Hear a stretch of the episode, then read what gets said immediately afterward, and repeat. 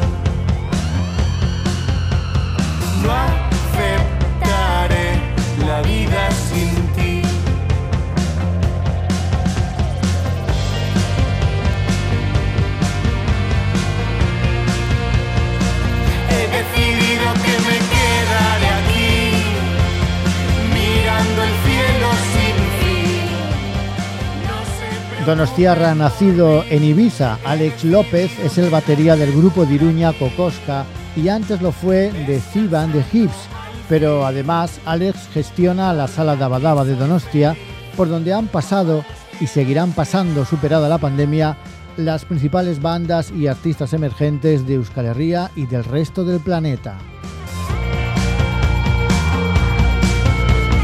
Siempre con un criterio moderno y ecléctico, músico, gestor, concienzudo melómano, divulgador musical desde sus inicios con la promotora Ayo Silver.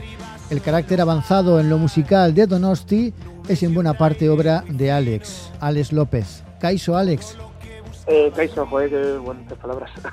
bueno, has elegido una canción de Kokoska, de tu grupo actual, que se llama Asia y que estaba dedicada a un montañero, Íñigo Ochoa de, de Olza, un montañero navarro, guía de alta montaña, un montón de expediciones al Himalaya, ocho miles por doquier, eh, un personaje realmente importante, ¿no? Sí, eh, más allá de su nivel de montañero, que bueno, nosotros no somos especialmente, yo particularmente nunca he sido muy muy deportista, eh, lo guay de Iñaki Ochoa era su dimensión, su, sensibilidad eh, artística y la su filosofía de vida. era un, tío realmente, no sé, anarquista, punky, eh, y su forma de, de, vivir la proyectaba en, la montaña y es muy inspirador para y bueno y lo emocionante de, de lo que termina de muy emocionante su, su personaje es en las circunstancias en las que falleció, en la Napurna, y cómo mogollón de, de compañeros y, y gente del, del Himalaya se, se unió para intentar rescatarle hasta el último segundo y no sé, hay un par de documentales y es, muy guay, la verdad, es muy, muy, inspirador. Sí, completando un poco su biografía, murió muy, muy joven, como bien has dicho, en el Annapurna, en Nepal, 40 años tan solo, y además quería recaudar fondos para construir un orfanato en Katmandú, un hospital infantil, una escuela, en fin, eh, un montón de cosas. Un objetivo que creo que además ha continuado luego su familia a través de una fundación, ¿no? Sí, sí. Bueno, Cocosca es un grupo de Iruña tú vives en Donosti. Sí. Eh, ¿Y cómo y dónde ensayáis? Eh, pues mira, ahora mismo estamos ensayando, eh, compartiendo local con Júpiter John en, aquí en Astigarraga, porque estamos, o sea, con Oscar estamos en Donosti, estamos viviendo en Donosti yo e Iñaki, el cantante. Y entonces, pues, eh, a medio camino están los, los locales estos de Castle Rock y, y ahí ensayamos. Yo no sé si la vocación de Cocosca es una vocación eh, de éxito o es una vocación más underground. ¿Os movéis un poco ahí a medio camino? Wow, es difícil contestar. O sea, Sí. eso se elige. Yo no sé si se elige eso, ¿no? Es como, o sea, creo que el, el compromiso de, al menos, de- o sea, más especialmente de mis compañeros, de Iñaki y Amaya, es, eh, es un compromiso con, con su proyecto artístico, en este caso Cocosca, mm, total. O sea, han decidido que es, va a ser su forma de vida. Eh, y yo nos dedicamos a otras cosas, eh, además, pero ellos han decidido que, esa- que su vida va a pasar por aquí. Entonces, eh, también es muy inspirador y entonces entiendo que, la vocación, no sé si de éxito o qué, pero sí que es, o sea, en la medida que se vayan consiguiendo las cosas, pues sí, será un, será un éxito. Fíjate, yo os decía que eh, siendo tú de Donosti y siendo el grupo de Iruña, cómo ensayabais, pero con el grupo anterior, que erais Donostiarras, ahí Sí. decíais que ensayabais solamente si hacía sol, así que eh, ahora lo tenéis dentro cada vez más fácil, ¿no? Con Si Van de No. Hips, eso decíais por lo menos. Sí, bueno, me acordaba sí, las cosillas de los 20 años. ¿Y ¿Cómo fue la transición entre un grupo y otro? Porque efectivamente es un grupo de veinteañeros, el primero, el de C. Mm. Brandy Hibbs, eh, más o menos hacia mitad de la primera década del 2000, ¿no? Es cuando funcionáis.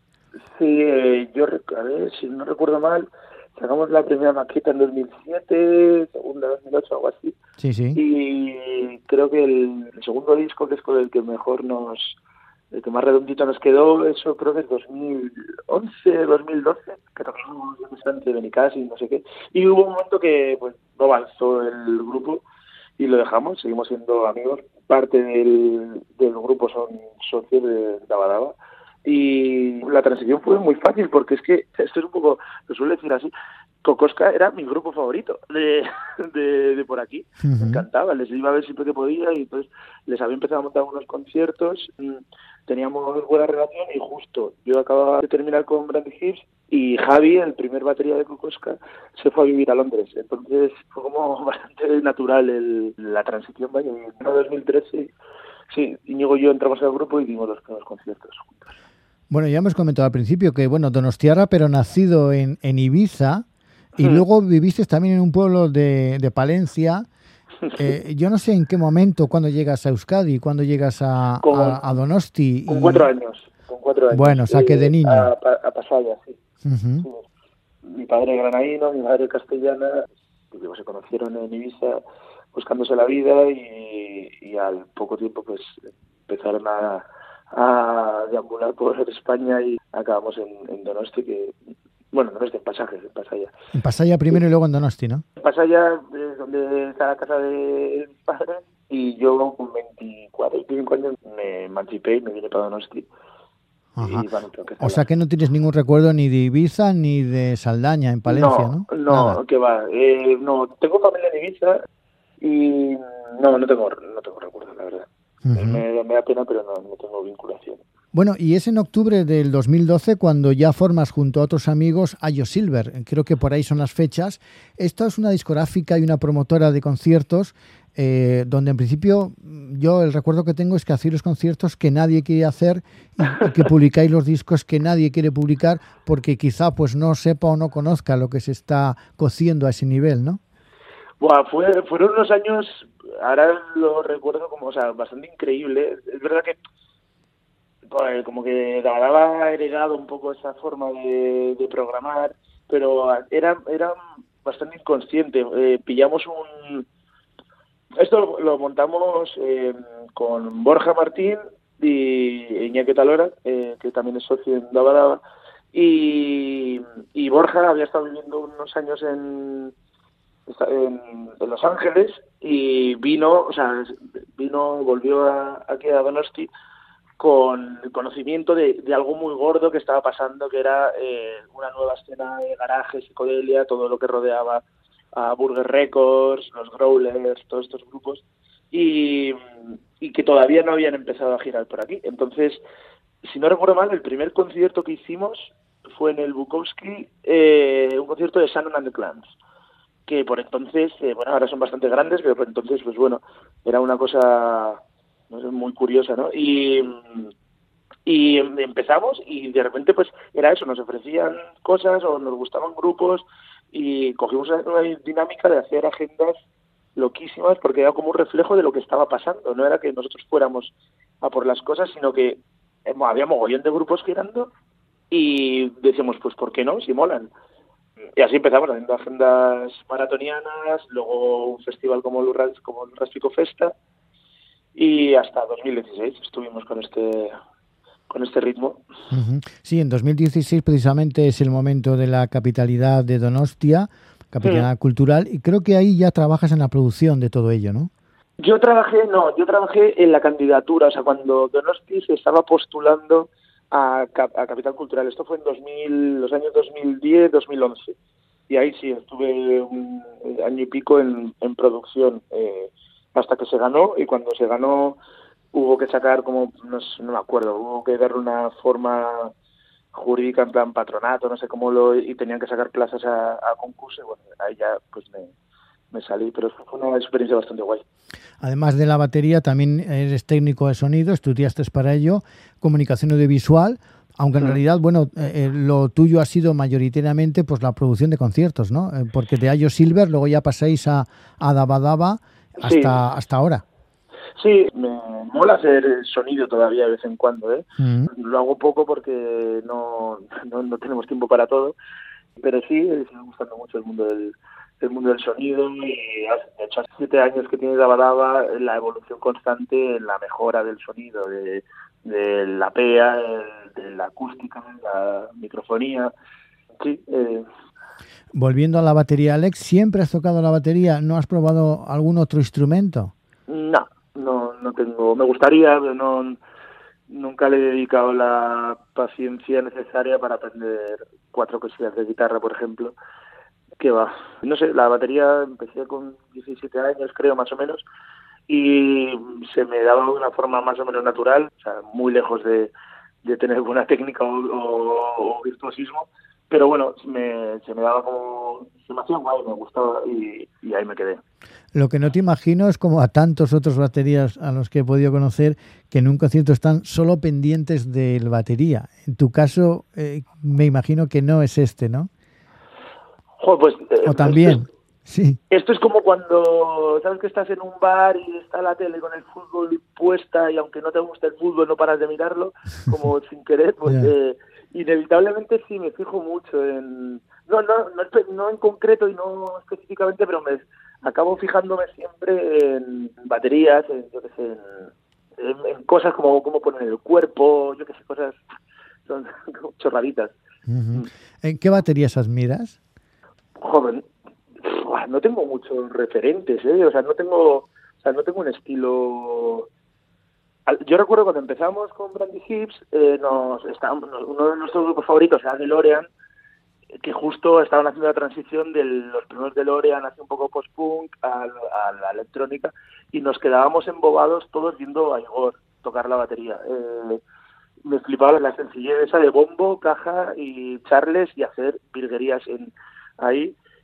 Luego yo tampoco es que lo hiciera. Y ahora, hoy en día, mm, es como que me da al otro extremo y me gusta, me fijo mucho, aunque yo tampoco lo, no es que lo toque así, pero me gustan mucho, yo que sé, las baterías de las grecas o cosas de los 70 así de, de funk, eh, rumba orquestada como muy guay. Eso es lo que más me estoy fijando a nivel batería, pero no soy nada estudioso, ¿eh? no, no soy una apasionada de mi instrumento.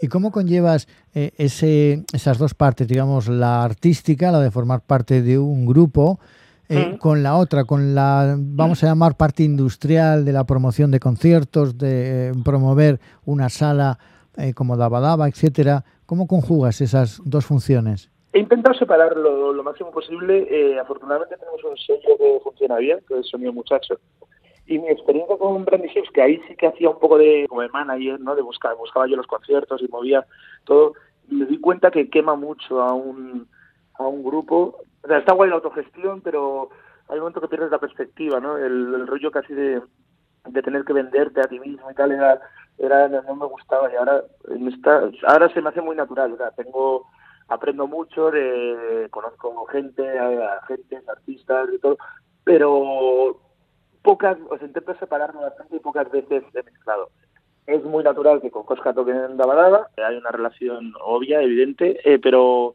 no suelo hacer labores de esto, pues, de contratación, aunque sea muy, muy rara vez.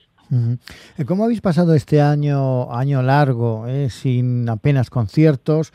Algo que en la, ni en la peor pesadilla, ¿no? además, poco después de haber realizado unas obras que habéis hecho en Dabadaba en la sala. esto, como digo, ni en la peor pesadilla nadie se lo podía esperar. ¿Cómo ha sido para vosotros toda esa travesía?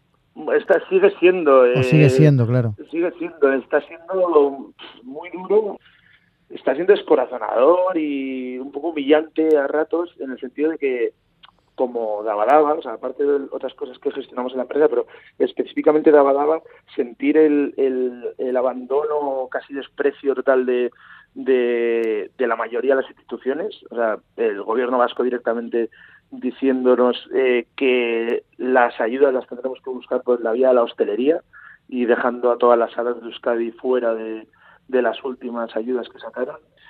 Es incomprensible. Entonces, eh, a veces que, a veces hemos hecho publicaciones así un poco antes de la pandemia. Recuerdo como siempre hemos chuleado un poco, no mucho, pero un poco hemos chuleado de, toda la actividad ¿no? que, que hacemos. O sea, yo qué sé, mira, iba a decir, en condiciones normales programa casi el doble de conciertos o algo así, no me acuerdo exactamente el, número, que todo nuestra cultura, por ejemplo. Entonces, mira, eh, agradezco a de nuestra cultura que son los únicos que nos están ayudando un poquillo para hacer pequeños conciertos al mes a través del programa de Cluba. Y, pero eso, o sea, ¿cómo puede ser que actores culturales tan eh, potentes, tan evidentes como un Anchoqui, un Gel Dorado, eh, Dabadaba, el Doca, yo que sé, muchísimos, hayan sido absolutamente ninguneados y despreciados, eh, pues está siendo duro, la verdad. Está siendo duro y, hemos dudado si parar, si tirar la toalla, yo qué sé, no sé. Y como está todo el rato ahí la luz al final del túnel, pues aguantamos siempre un poco, pero es que, joder, todavía no llega. Ya, con esa esperanza, claro. Eh, ¿Qué representa, qué crees que representa vuestra sala en Donosti y en Euskal Herria en general? eh, no lo sé, o sea, no hemos sido nunca mucho de autoanalizarnos. Abrir la acto inconsciente no fue nada de esto de vamos a llenar un hueco, un nicho ni nada. El nicho se ha creado, digamos, eh, lo ha creado el público, nosotros programando y el público respondiendo.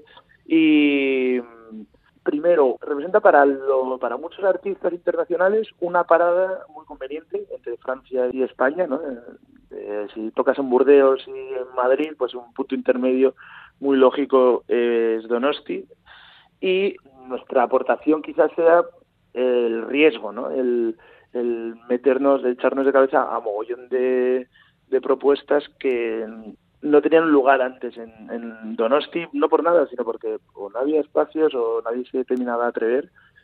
Y, y bueno, y lo hacemos de, de, mil amores, la verdad es que es lo que más, lo que más nos gusta. Tu ocio gira también en torno a la música, que aparte de trabajo, pues lógicamente coincide, ¿no? Esos momentos de ocio. ¿O tienes alguna otra afición especial?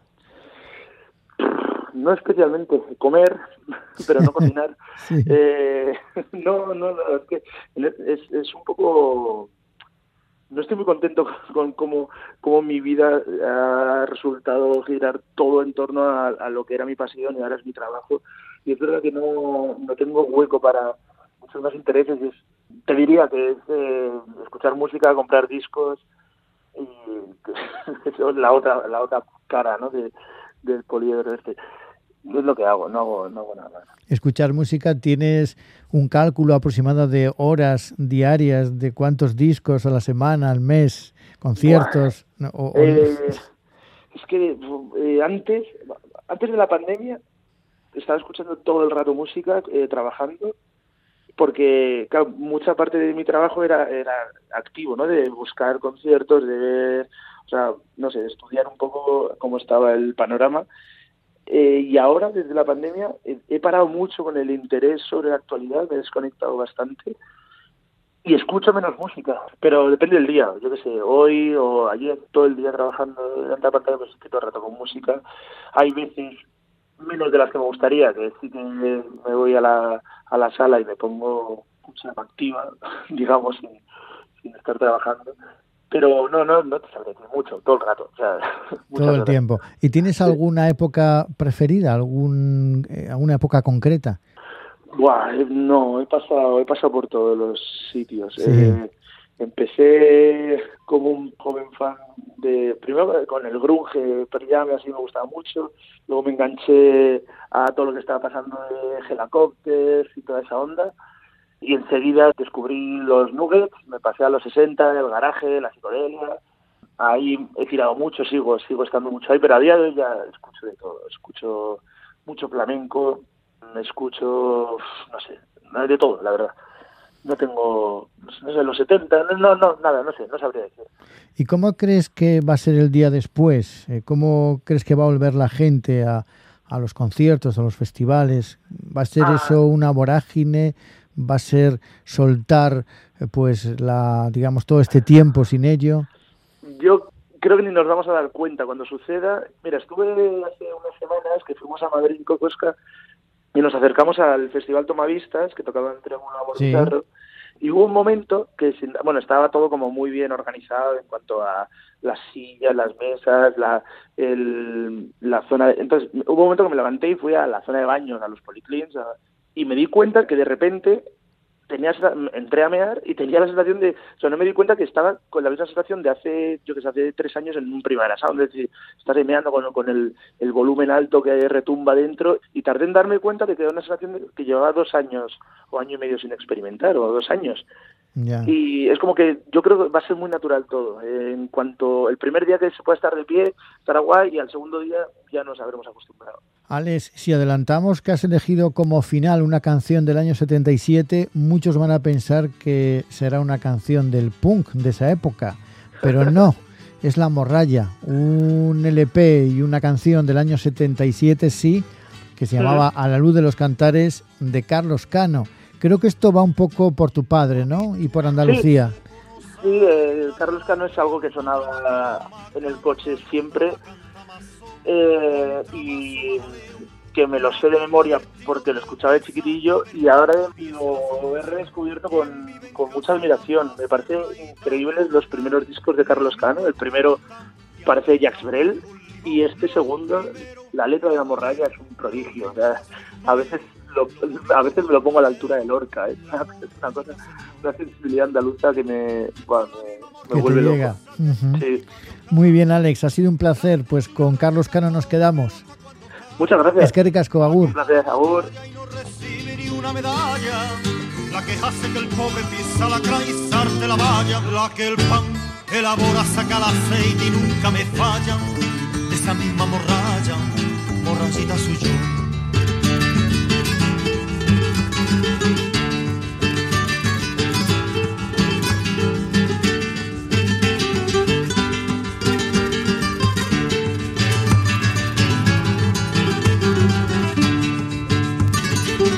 Dime paloma torcasa, quien siembra la calabaza, quien levanta su casa madrugo contra madrugo, a quien se come la moca, el la pulmonía, vengata de sandía, a combatir la calor. Quien lleva cuatro pesetas y un chorizo en la maleta y apunta en una libreta a la estación de Dulcendo. Lo primero, los obreros, los lindos aceituneros, los bonitos jornaleros la morrayita señor. Por la misma morralla besa que nunca ni pa' Dios calla. La del punto y la raya que hasta los pelos está cuando talla. La que da la batalla y no recibe ni una medalla. La que hace que el pobre pisa la granizarte la valla. La que el pan elabora, saca el aceite y nunca me falla. De esa misma morralla, morrayita soy yo. De esa misma morralla, morrayita soy yo.